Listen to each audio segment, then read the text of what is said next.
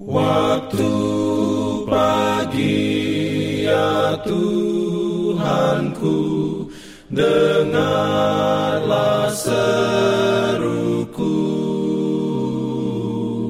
Melayang doa yang sungguh Memandang padamu. Selamat pagi pendengar Radio Advent Suara Pengharapan Mari mendengarkan suara Tuhan melalui tulisan pena inspirasi bersama Allah di waktu fajar. Renungan harian 21 Desember dengan judul Pohon dan Sungai Kehidupan ada di kota itu. Ayat inti diambil dari Wahyu 22 ayat 1 dan 2. Firman Tuhan berbunyi, Lalu ia menunjukkan kepadaku sungai air kehidupan yang jernih bagaikan kristal dan mengalir keluar dari tahta Allah dan tahta anak domba itu. Di tengah-tengah jalan kota itu, yaitu di seberang menyeberang sungai itu, ada pohon-pohon kehidupan. Dalam Urayanya sebagai berikut. Di dalam Alkitab, warisan orang-orang yang diselamatkan disebut suatu tanah air. Di sana gembala surgawi menuntun gembalaannya ke mata air hidup. Pohon hidup memberikan buahnya setiap bulan, dan daun pohon itu adalah untuk keperluan bangsa-bangsa. Di sana ada sungai-sungai yang airnya telus mengalir, jernih bagaikan hablur atau kristal dan di tepi-tepi sungai itu ada pepohonan yang melambai-lambai yang memberikan bayang-bayangnya ke jalan-jalan yang telah disediakan bagi umat tebusan Tuhan. Di sana dataran-dataran luas terhampar sampai ke bukit-bukit yang indah dan gunung-gunung Allah berdiri dengan puncak-puncaknya yang tinggi.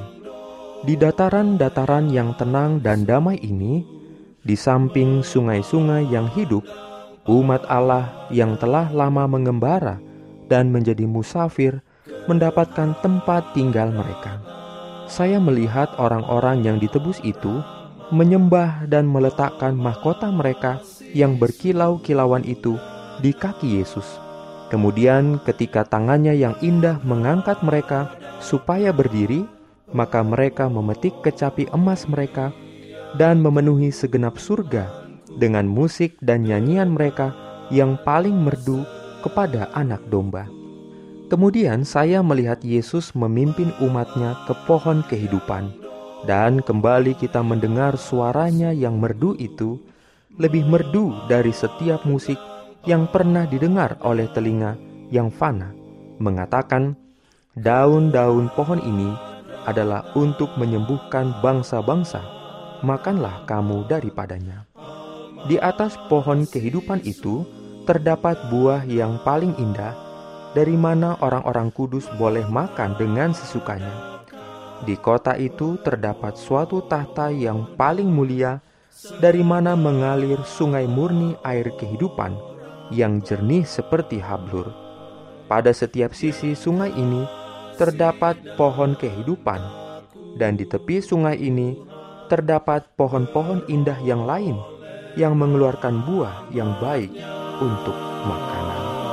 Amin. Diberikannya perlindungan dalam pimpinannya. Pimpin aku. Jangan lupa untuk melanjutkan bacaan Alkitab sedunia percayalah kepada nabi-nabinya yang untuk hari ini melanjutkan dari buku 1 Tawarik pasal 4. Selamat beraktivitas hari ini. Tuhan memberkati kita semua. Jalan kewajiban